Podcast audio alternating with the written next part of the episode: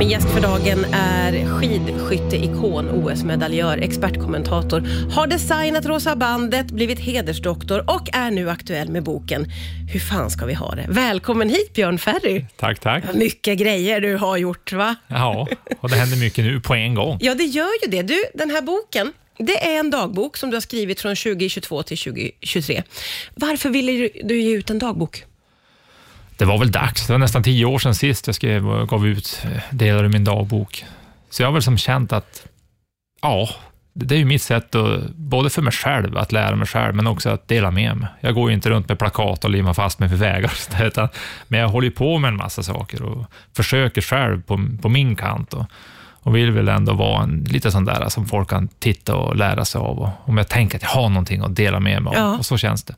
Ja, men för du har ju ett väldigt stort engagemang för klimat eh, och hållbar livsstil. Hur uppkom det där från första början? Har du alltid haft det med dig? Nej, jag har inte alls haft det. Men min fru Heidi har ju alltid haft det. Men för mig blev det som en väckarklocka när jag slutade skidskyttekarriären och ville ha som ett nytt mål, någonting att hålla i, något att sträva efter.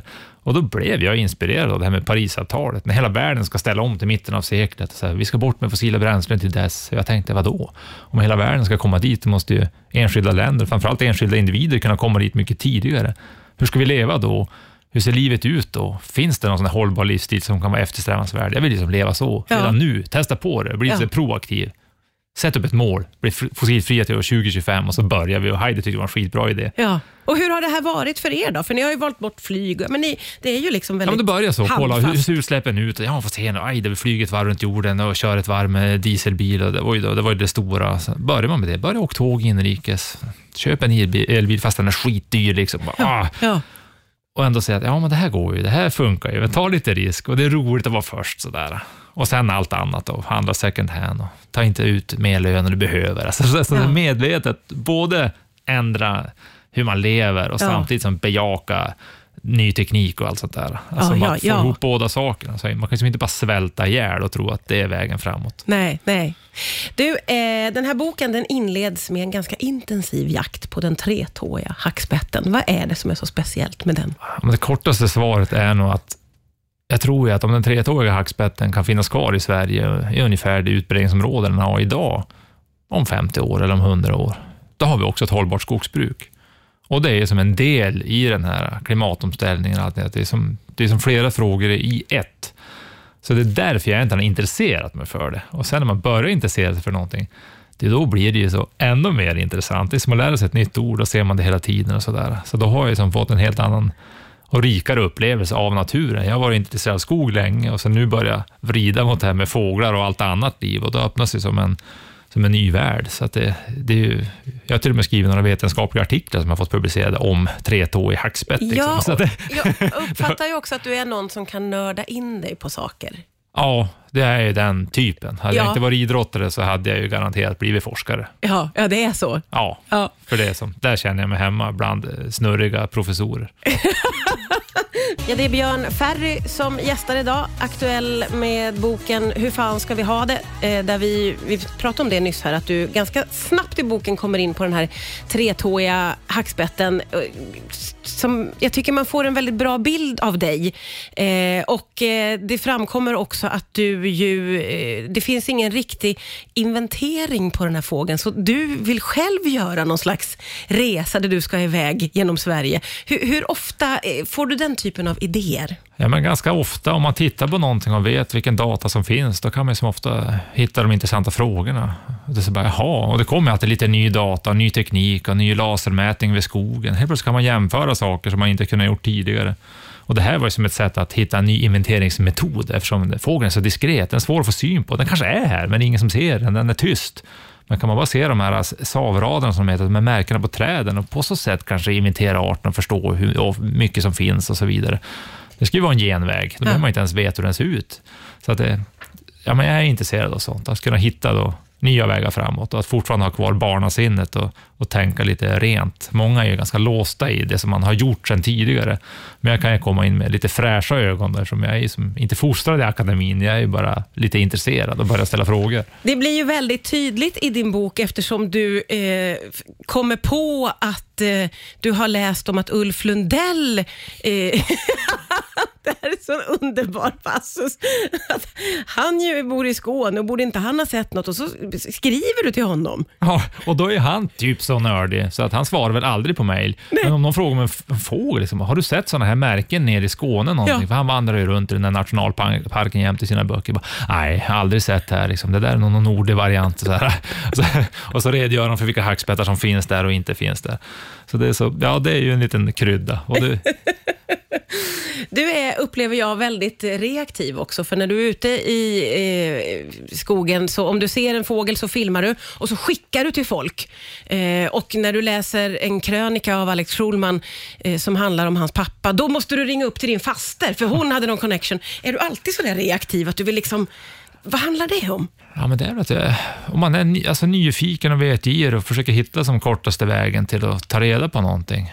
Och så har jag ju en fördel att, att konstigt nog är det många som är intresserade av skidskytte på något sätt och känner till vem jag är. Alltså om jag ringer någon diffus professor som kanske håller på med hackspettar eller kottar eller någonting, så, så även om inte de vet vem jag är, så kanske deras fru eller någon annan där på institutionen vet det, som hör Björn, vem är det här? Ja, och då vill de ju svara. Och Det Ja. är som lite lättare för mig kanske. Ja. de flesta forskare är ju intresserade av att prata om sin forskning, för det är inte så gångbart på ett cocktailparty alla Nej, gånger. nej, de blir så de blir ju glada. glada om det är någon som är Ja. intresserad, så de är ju väldigt generösa, Det är generellt sett. underbart att du liksom hör av dig sådär till folk.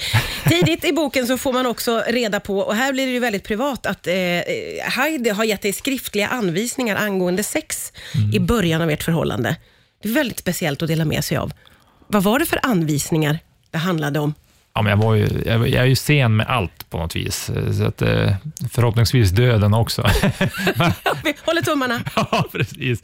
Så jag, var ju, jag var ju ingen eh, riktigt sån där mästare i sängen i början. Hon märkte det ganska snabbt. Så att då kom de här instruktionsbreven om, om hur saker fungerar. Det var ju nyttigt. Älskar det med henne, att hon skickar instruktionsbrev. Ja, Det är handlingskraftigt. ja, ja. Och en win-win för båda, får jag ändå förmoda. ja, ja verkligen. Och jag visar ju mina svagheter tidigt. Och det är väl som ett tips. Om de då är kvar, då har det som potential att fungera. Istället för att man som hittar på och lägger ut för snygg bild och att man låtsas vara någonting man inte är. Då Nej. kommer det liksom fram förr eller senare. Om man visar sitt sämsta och så håller det mer än två dagar, då kan det hålla för livet. Ja, verkligen. Det är ni ett bra exempel på.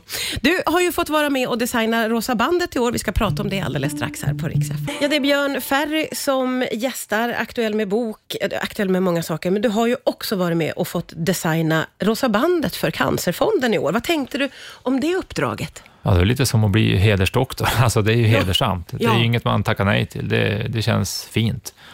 Eh, Och min bror han gick bort i cancer för två år sedan, så jag har som själv en personlig koppling till det också. Och Ja. Då känns det verkligen, kan man vara med och bidra till att dra in pengar till cancer, cancerforskningen, så är det ju som någonting som är verkligen bra. Alla känner ju någon som har Ja, dött i cancer. Alla vi är påverkade av den sjukdomen, tyvärr får man ju säga. Ja, Hur tänkte du själva designarbetet då, eller den här utformningen?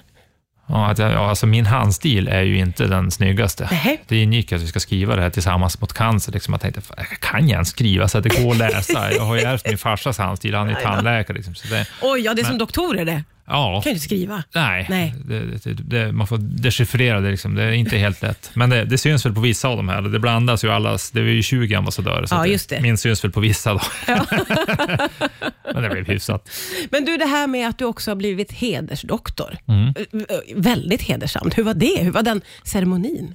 Det var ju som en liten Nobelfest. Ja, var det det? Ja, men så här, tusenåriga traditioner och de går och slår med träkäppar och pratar konstigt språk. Och det är massor med, först tänker man, vad är det här för spektakel? Men sen efter tag man kommer in i det där, så det är det som gör att det blir speciellt och stort och väldigt eh, formellt. Och, och sen jag fick, jag fick en här, sån här ring, du får se. Och du har fått ring Ja, doktorsring. Och jag är gift, men vi har inga ringar. Men Heidi har också blivit hedersdoktor sedan några år tillbaka. Åh, är det så vi sant? sa det att Nej, men nej, vi, vilket... vi ska nog behålla de här och ha dem en kombination både doktors och vigselring. För det här symboliserar liksom ett förbund med vetenskapen. Ja. Och det känns som att ja, men det är bra att ha det som rättesnöre om man svävar iväg i värderingar och, och tyckanden. Så här. Men ändå att i grunden, ja, men det ska finnas där som en fond, alltså vetenskapen framför allt. Så att nu är jag förbunden med den och det Ja, det- känns som ett bra ansvar. Så jag funderar på att ha den här. ja, men det tycker jag verkligen. Särskilt om Heidi har den också. Ja. Otroligt starkt. Starkt par också. Två hedersdoktorer i familjen. Det känns ju oerhört. Du, eh, hur ser du framåt nu då? Vad har du att se fram emot här? Ja, om en månad då drar ju skidskyttesäsongen igång. Ja, så ja. då börjar ju Vinterstudion med Sverigepremiären i Idre och sen rullar det på. Så jag fortsätter ju där också. Så nu går vi snart in i mörkertiden och då hamnar jag i tv-soffan. Vad, vad, vad har det jobbet betytt för dig? Ja, men mer och mer. Först var det ju egentligen bara en förlängning av idrottskarriären och, och sport och sådär, men när man inser hur många som har det här som ett, som ett sällskap på helgen och vad viktigt det är för många människor, så är det ju större än idrotten. Det märks jättetydligt under pandemin, men det här märker ju, det är ju fortsatt så. Så att det, det är större än idrotten och det är väl en av de sista lägereldarna vi har i Sverige. Det är ett shit för samhället. Mm, ja, häftigt att vara en del av.